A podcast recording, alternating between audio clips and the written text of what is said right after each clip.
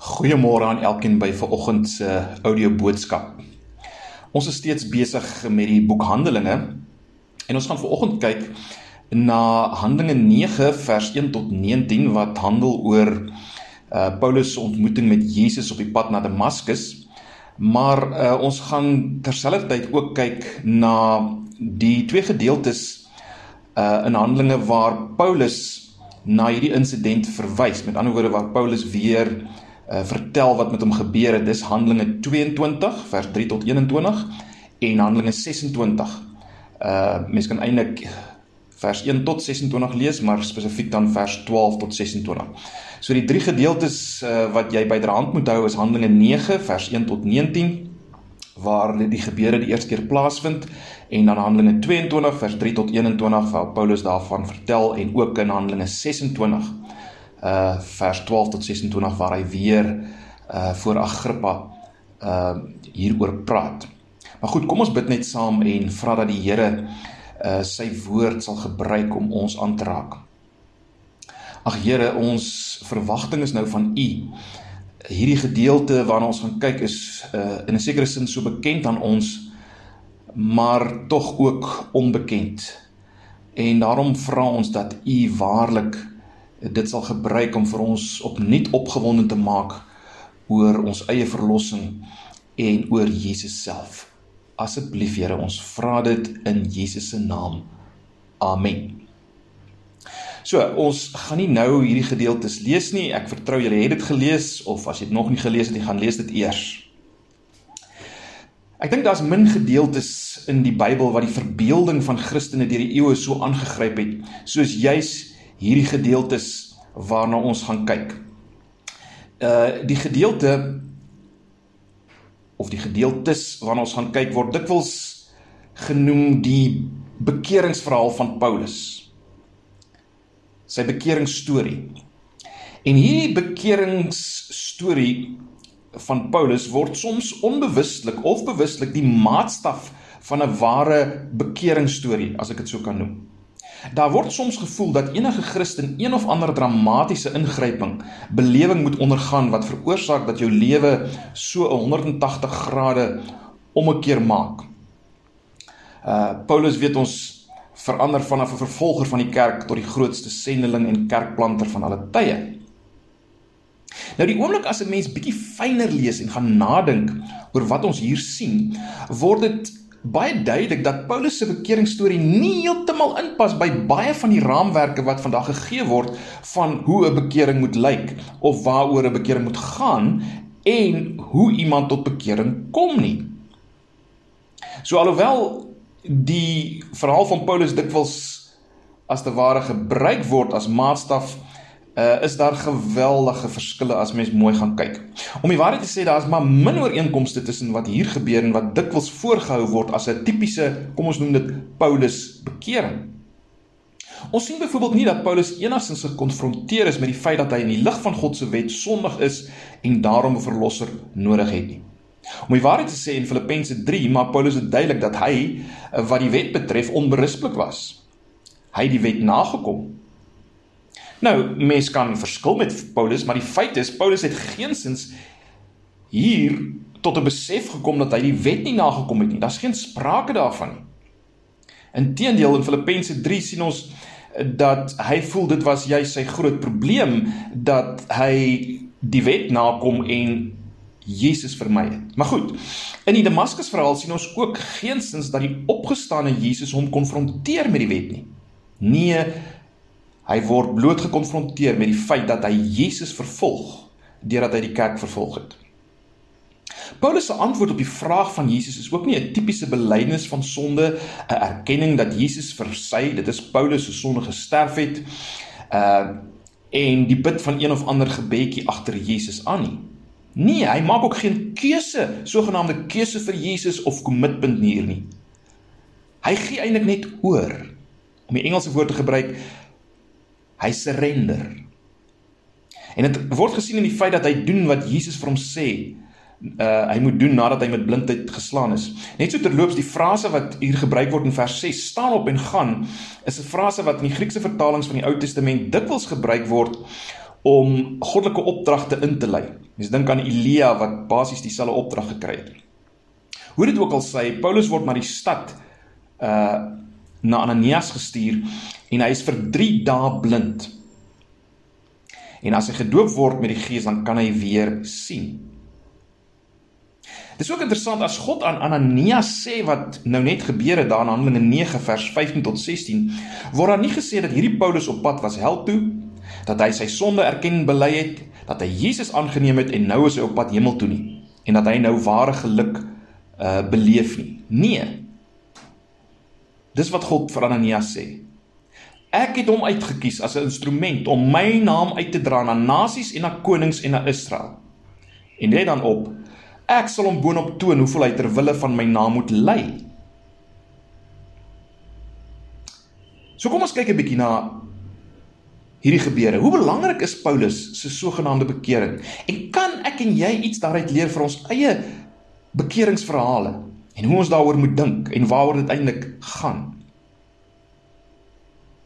Hoe belangrik is Paulus se bekering verhaal? Wel, dat Paulus se bekering en sy bekeringsverhaal uiters belangrik is, word duidelik uit die feit dat Lukas dit 3 maal in Handelinge weergee. Soos ons gesien het in die gedeelte wat ons uh, uh, die eerste gedeelte in Handelinge 9 uh, waarby ons eintlik nou uh, kom in ons reeks. In hierdie gedeelte word die bekering in die narratief uh aangehaal dan word daarna verwys in Handelinge 9 vers 1 tot 19 en dan twee maal as Paulus se eie getuienis. Uh een keer aan die Sanhedrin na sy inhegtenis na in inhegtenisname in Jerusalem in hoofstuk 22 vers 3 tot 21 en dan uiteindelik uh in Caesarea vertel hy weer sy uh, getuienis voor die Joodse koning Agrippa in Handelinge 26 vers 1 tot 26 spesifiek, miskien 12 tot 26. Waarom word hierdie bekeringsverhaal van Paulus so beklemtoon deur Lukas deurdat dit 3 maal ehm um, herhaal word? Wel ek wil die stelling maak dat Paulus se bekeringsverhaal of storie is absoluut deel van die evangelie. Die goeie nuus wat hy verkondig.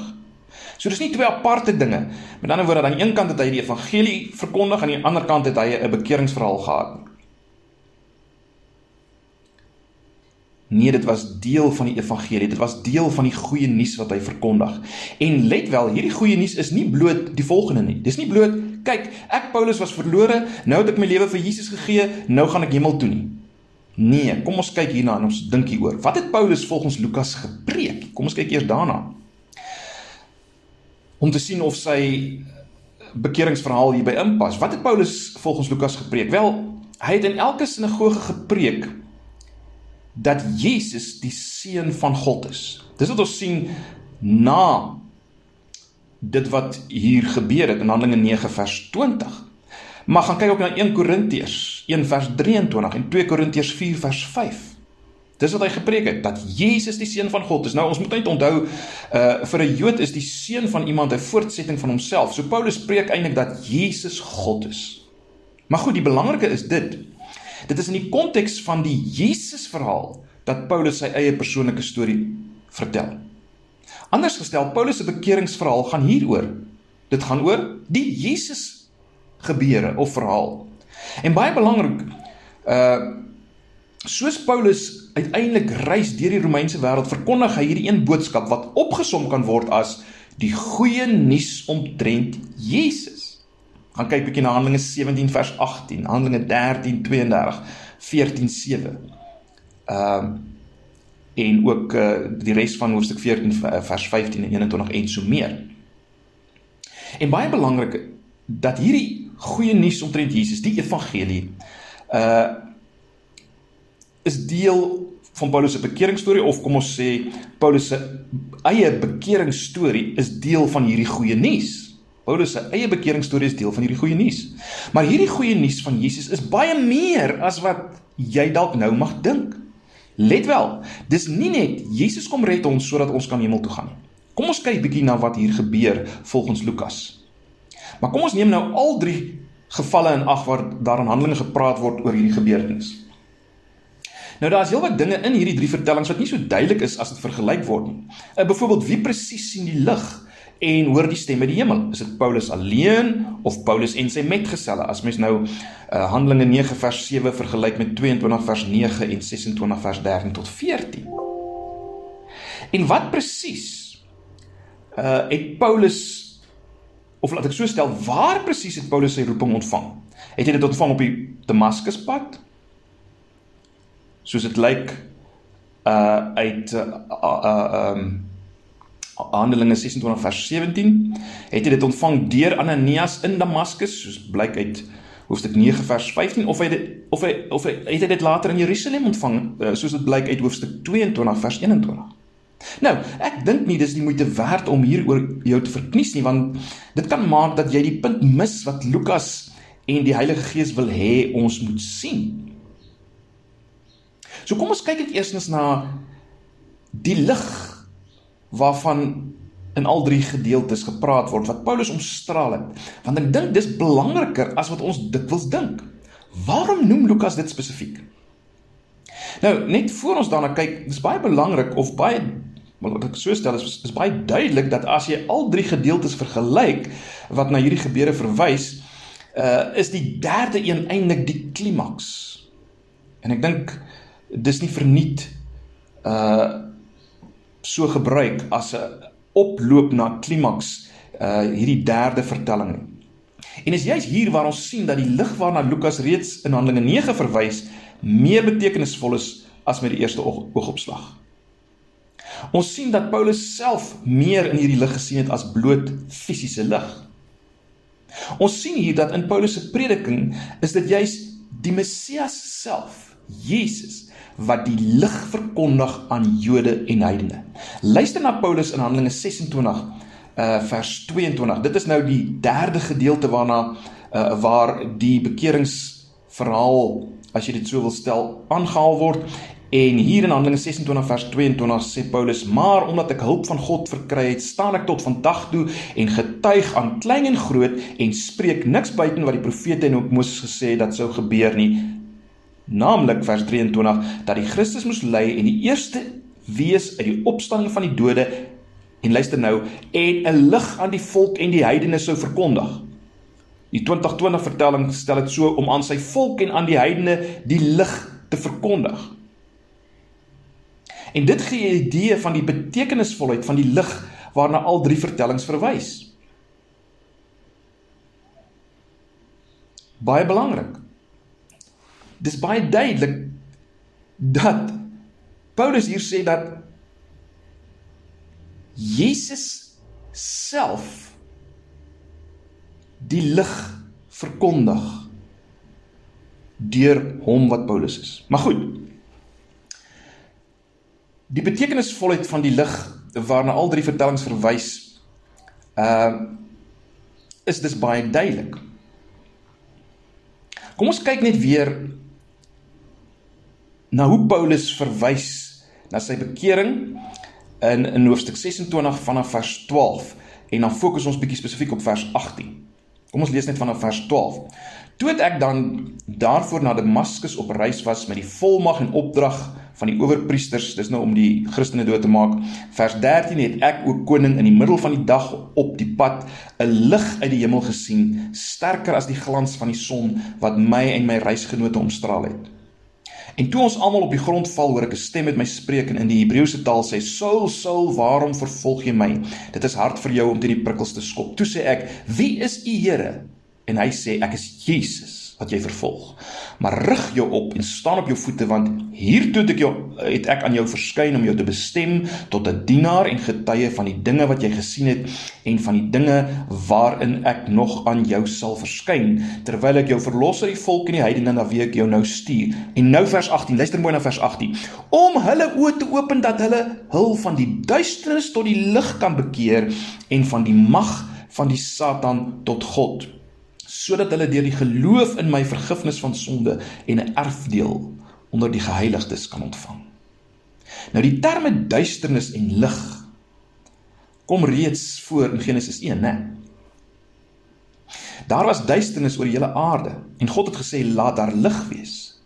En daardie lig het nie so seer te maak met fisiese lig nie, want ons weet dat uh die son en dag en nag het eers later gekom. Dis eers later geskape. So uh, die skrywer skrywer wil reeds daar sê hier's iets meer in die lig. Hier's iets hier's iets meer omvattends. Lig was dit wat God nou tot stand gebring het. Teenoor die duisternis, die chaos wat was. Ten diepste sou 'n mens kon sê die leef van mense onder God se heerskappy in verhouding met hom en in verhouding met mekaar. Dis deel van hierdie lig wat God nou tot stand gebring het.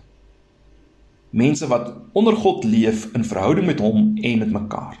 En dit is hierdie lig, hierdie ware lewe van in verhouding met God en mekaar en die geskape werklikheid wat die mens, die eerste mens as beeld van hierdie God moes laat skyn in die wêreld. Maar hulle het misluk. Hulle het nie sy koningskap oor uh, oor hulle aanvaar nie. Soos gesien in die feit dat hulle sy woord eintlik verwerp en ons weet dit bring dood. Watter dood? Die dood van uit verhouding wees met God en mekaar. En dit is die wese van sonde om God nie te eer en om uit verhouding met hom te wees. Nou, ons weet God kies dan een man Abraham uiteindelik in Genesis 12 en Abraham en sy nageslag uh, ontvang ten diepste dieselfde opdragte as Adam en die beloftes as wat aan Adam gemaak is. Dit is baie interessant. Israel as volk neem dus die rol as ligdraers oor. Israel was God se dienskneg nou wat God se lig of as jy wil sy heerlikheid moes wys, daarin moes lewe, 'n lewe van in 'n verbondsverhouding met hom. In verhouding met hom en in verhouding met mekaar en in verhouding met die geskaapte werklikheid. Hulle moes soos ons al gesien het toe ons gekyk het na Handelinge 1 vers 8, hulle moes God se getuies wees. Dit word ook eksplisiet in Jesaja gesê: "Julle is my getuies Israel." Maar hulle het misluk. Hulle kon nie die lig laat skyn nie. Want hulle kies afgode bo God.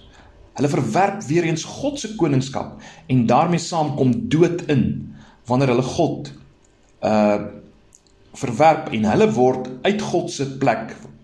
Die plek waar hulle was onder God onder sy woord hulle word uit daai plek geskop en om uit die plek te wees waar God hulle wou gehad het en uit verhouding te wees dit is natuurlik dood wat hulle beleef het. Maar goed in Jesaja se vertelling tree daar 'n geheimsinnige individu na vore hier vanaf Jesaja 40 En as ons kyk na wat van hom gesê word, sien ons ook duidelik presies wat Israel moes wees. Kyk net na Jesaja 49 vers 3 waar hierdie geheimsinnige dienskneg praat en hy sê hy en hy dis baie duidelik dat hierdie dienskneg verwys na God. Hy het vir my gesê jy is my dienskneg, komma Israel. Deur wie ek my verheerlik. So hier is nou sprake van 'n individu wat gaan doen uh, wat Israel moes doen, naamlik om God te verheerlik. Nou hierdie heerlikheid wil ek waag om te sê is niks anders as die lig waarvan ons nou praat nie, die lewe. En let op, hierdie individu, hierdie dienskneg, hy gaan baie meer as net weer die volk Israel oprig. Luister na Jesaja 49 vers 6. Kyk na Jesaja 49 vers 6. Dit is te gering dat U my knegg sou wees om op te rig die stamme van Jakob en terug te bring die gespaardes in Israel. Ek het U gemaak en luister nou. Ek het U gemaak tot 'n lig van die nasies om my heil te wees tot aan die einde van die aarde. Hier sien ons weer. Israel moes hierdie lig wees. Hulle moes die heil van God, die lewe wat hy gee vir die nasies bring. Die lewe, die lig van in verhouding met God en mekaar en geskape werklikheid. Maar dit misluk. En hierdie geheimsinnige dienskneg wat in Jesaja se laaste hoofstukke duidelik uh na vore kom as Jesus self as mens dink aan Jesaja 53 uh, sommige plekke in hierdie gedeeltes is, is dit is dit duidelik dat na Israel verwys word maar as ons kom by Jesaja 53 dan sien ons dat hierdie dienskneg word nou 'n individu. En ons weet uit die Nuwe Testament dat uh, dit natuurlik Jesus is. En hy word nou 'n lig vir die nasies. So uit hierdie gedeeltes wat praat oor hierdie knegg sien ons wat Israel moes wees, hulle moes 'n lig wees. En hier hierdie knegg wat ons nou weet is Jesus neem die rol oor. Maar in die lig van wat Paulus aangehaal het. Uh dit wat Paulus nou net gesê het oor dit waarvoor God hom uh geroep het, is dit baie duidelik. Baie baie duidelik dat uh hierdie dienskneg doen waarvoor hy geroep is nou deur Paulus. Hierdie dienskneg, ek sê dit weer, volgens wat Paulus sê hy voorgeroep is, gaan nou self deur Paulus doen dit waarvoor hy geroep is. Let ook op dat Jesus vir Paulus sê dat hy Paulus gaan stuur om oë te open sodat hulle die lig kan sien. In dieselfde Handelinge 26 vers 18. So Jesus sê vir Paulus dat hy Paulus gaan stuur om oë te open sodat hulle die weer eens die lig kan sien. En dis presies wat God beloof het in Jesaja 42 vers 6 en 7 en 16. Kyk net na vers 6. Ek die Here het u geroep in geregtigheid en ek vat u hand en behoed u en gee u as 'n verbond van die volk as 'n lig van die nasies. Weer word hier gepraat met hierdie knegg of diensknegg. En vers 7 om wat te doen? Om blinde oë te open, om gevangenes uit die kerker uit te lei, uit die gevangenes diegene wat in die duisternis sit. Weereens wat Jesus die dienskneg kom doen het, doen hy nou deur Paulus. Dis wat Paulus presies gesê het. Die Messias Jesus verkondig nou die lig, bring nou die lig. En hy doen dit deur hom Paulus. Nou dis baie interessant dat Paulus geroep is om blinde oë te open. Dis fascinerend. Ons het al hierna verwys, maar onthou nou God gaan hom stuur na die heidene, die konings en interessant die volk Israel uh, Israel staan nou laaste in die ry. Onthou, hulle moes 'n lig wees. Of as jy dit anders wil stel, 'n getuie wees, maar hulle kon nie. Luister net weer na Jesaja 42 vers 18 en 19. Hoor, julle dowes en kyk julle blindes om te kan sien. Vers 19: Wie is blind buiten my knegg en doof soos my boodskapper wat ek stuur? Wie is blind soos die vertroude vriend en blind soos die knegg van die Here? En is dit nie nou fascinerend dat as Paulus in kontak kom met hierdie lig, dan word hy met blindheid geslaan vir 3 dae volgens Handelinge 9 vers 9 nie. En nadat hy met die Heilige Gees gedoop word, dan kan hy weer sien en word gestuur om blinde oë te open. Die punt is in en deur Paulus bring Jesus die lig, die lig van God se heerlikheid, die lig van wat God wil vir die mens van die begin wat hy wou vir Israel. Paulus is 'n afbeelding van wat God wou deur Israel en daarom wou deur Adam en wat hy nou gaan doen deur elkeen wat in kontak kom met Jesus die lig, die een wat oë open. So, waarom vertel Paulus wat met hom gebeur het? Waaroor gaan sy getuienis, sy bekeringsverhaal soos ons dit noem? Wel, Paulus weet dat vir ons om God se heerlikheid te sien, vir ons om die lewe met 'n hoofletter te kry, die lig met 'n hoofletter, moet ons Jesus sien en daarom plaas hy Jesus in die middel van al sy vertellings oor wat met hom gebeur het. Jesus is die lig. Hy is die boodskap. Hy self die boodskap. Hy wat Jesus is het begin om as rabbi die boodskap te bring, nou word hy die boodskap in Paulus en wat hy doen uh sien ons natuurlik natuurlik weer wat Lukas in hoofstuk 1 vers 1 al gesê het dat sy eerste verhaal het gegaan oor wat Jesus begin doen en leer het en per implikasie wat ons in Handelinge gaan sien is dit wat Jesus voortgaan om te leer en te doen. In Paulus sien ons weer die waarmaak ook van daardie woorde van Lukas 1 vers 1 en 2. Jy sien Paulus se verhaal, se bekeringsverhaal, het deel geword van die boodskap juis omdat wat met Paulus gebeur het alles te maak het met die dienskneg Jesus.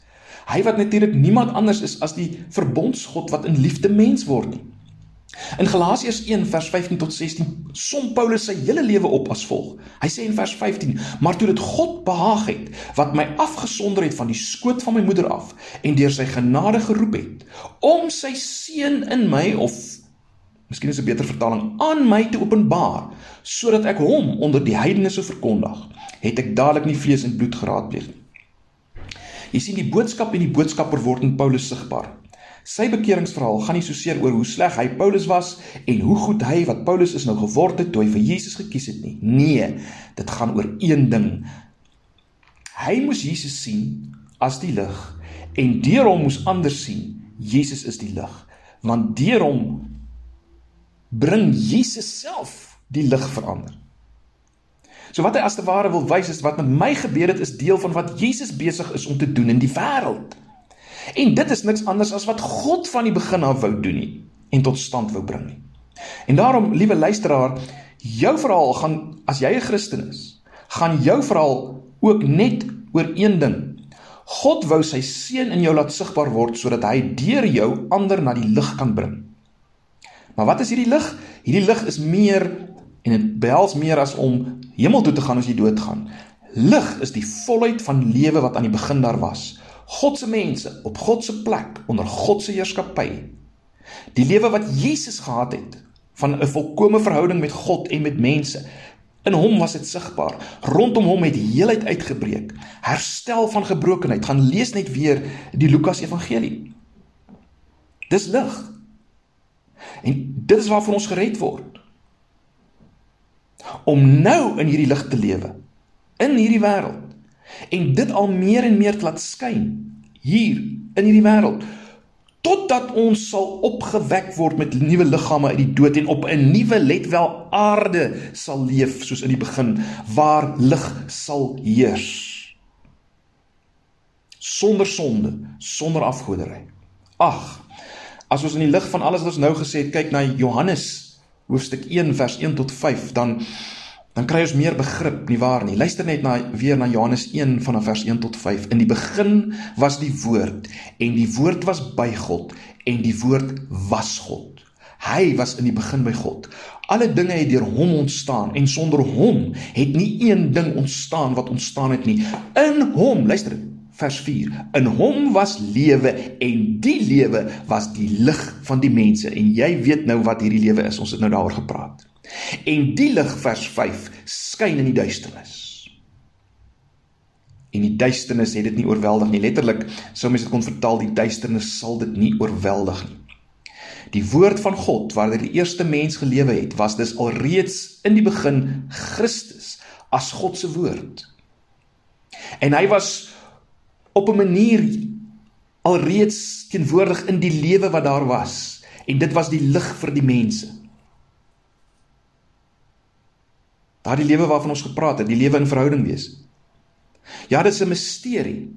En dit is moeilik om te verstaan, maar dit is geweldig as ons dit raak sien. As ons raak sien dat Christus is alles. So ons het nou gekyk na die lig. Kom ons kyk net vinnig na die ander kenmerkende dinge wat hier gebeur en kom ons sien hoe dit aansluit wat by wat ons nou gesien het. Uh in die lig van wat ons nou gesê het, is dit nie vreemd dat Paulus nadat hy die lig gesien het en Jesus gevra het Saul Saul waarom vervolg jy my? Dis nie vreemd dat hy uitroep wie is u Here? Wie is u Here? Jahwe das min twyfel dat Paulus besef het dat hy in die teenwoordigheid van die verbondsgod is. Die een wat woon in ontoeganklike lig. Die een wie Jesaja ontmoet het. In Jesaja 6 en voor hom geval het en die een voor wie Esegiel soos 'n dooie geval het toe hy 'n figuur soos 'n mens in 'n verblindende vuurglans gesien het op 'n troon wat gerus het op al daardie vreemde wesens. Ag, Jesus antwoord vir Paulus, ek is Jesus wat jy vervolg. Dit is interessant dat hy sê jy vervolg my. Paulus het natuurlik die die kerk vervolg dat Jesus homself hier as Jesus identifiseer en nie net homself hier as Here of God bestempel nie is belangrik. Want dit was Jesus van Nasaret wat geleef het op hierdie oomblik. Wat nie meer in die graf was nie. So onmiddellik het Paulus geweet die disippels was toe al die tyd reg. Onthou Paulus was by toe Stefanus gestenig is en Stefanus Jesus gesien het aan die regterhand van God. Paulus volgens vers 14 van hoofstuk 9 het na Damaskus gegaan juis om almal te arresteer wat Jesus se naam aanroep. En ons weet Stefanus het Jesus se naam aangeroep. Ja, hier word niks van die kruis in hierdie gedeelte gesê nie, maar ons weet dat die Jesus waarvan ons hier praat is die een wat gesterf het en opgestaan het. En die groot ding wat aan die kruis gedoen het gedoen is, is dit: God het die koningskap weer opgeneem. Dis baie duidelik in die evangelies. God het die mag van sonde en dood. Sonde en dood word as 'n mag beskryf in Paulus se geskrifte. God het die mag van sonde en dood verslaan en hy doen dit deur die dood en sonde en die wet op homself te neem, in homself as God die seun te verslaan. Hoe? Deurdat hy die dood ondergaan, maar opstaan uit hierdie dood. Is dit nie wonderlik nie? Ek sluit af. Ek vertrou dat jy nooit weer dieselfde sal dink oor Paulus se bekering of bekeringsverhaal nie. Ek hoop ons sien wat die relevantie van Paulus se bekering vir ons is. Ag mag ons begin om die groter prentjie raak te sien van waarom Jesus homself aan ons openbaar. Nie net sodat ek kan weet my sonde is vergewe en ek kan hemel toe gaan as ek doodgaan. En en wat nou op aarde gebeur en wat ek hier doen is van minder belang nie. Nee, nee, nee. As ons so dink, mis ons, mis ons wat ons hier sien in die gebeure op die Damaskuspad. Ons mis die lig wat aan Paulus verskyn het. Ons mis die punt waaroor Jesus gekom het dan. Waarvoor hy gesê het ons moet bid. Waarvoor sê hy moet ons bid? Ons moet bid dat sy koninkryk wat volgens hom sy wil is op aarde moet kom. Soos dit wat soos wat dit was in Eden en meer as dit. Die lig wat die lewe is. Daarvoor moet ons bid en werk en leef. Ag, kom ons beweeg weg van die stereotipe idees rondom bekering en bekeringsverhale waar mense in die middelpunt is en mense vereer word, waar dit gaan oor hoe sleg hierdie ou was en hoe goed hy nou is. Kom ons dink. As jy wil oor in aanhalingstekens bekering soos Paulus of soos ons sien in hierdie Paulus gebeure. En soos Paulus daaroor gedink het. As ons sien hoe hy dit aanhaal. Jesus is God. Jesus is koning. Jesus is lig. Jesus is lewe. Jesus wil deur ons vir die wêreld lig bring, lewe bring. En as ek in die proses ly en sterf, wel dis deel van die pakket. Wat 'n voorreg. Ag net laastens, ons is nie as individue op 'n eiland hierin nie. Onthou weer Jesus sê Paulus het hom vervolg. Toe Paulus die gemeente vervolg het. Die gemeente is een met Jesus. Dit is sy liggaam. As ons verder lees na Handelinge 9 sien ons dat Ananias Paulus inneem en sorg dat die gemeente hom aanvaar. En hy deel geword van die gemeente, van die liggaam van Jesus, die Jesus wat steeds voortgegaan het om te doen wat hy op aarde gedoen het. Dit is so belangrik. Ek en jy is nie alleen geroep om die lig te bring nie. Ons is saam deel van die liggaam wat die lig moet bring in die wêreld. Ag, mag die Here ons al meer en meer bewus maak hiervan. En ons weet nou dat ons die Heilige Gees ontvang het. Die Heilige Gees waardeur Paulus gedoop is. Toe hy gedoop is deur die Heilige Gees kon hy sien. Die Heilige Gees gee ons die krag om lig te wees. Mag ons dit beleef in hierdie jaar. Amen. Ag Here, dankie vir hierdie woord. Ons eer U. Amen.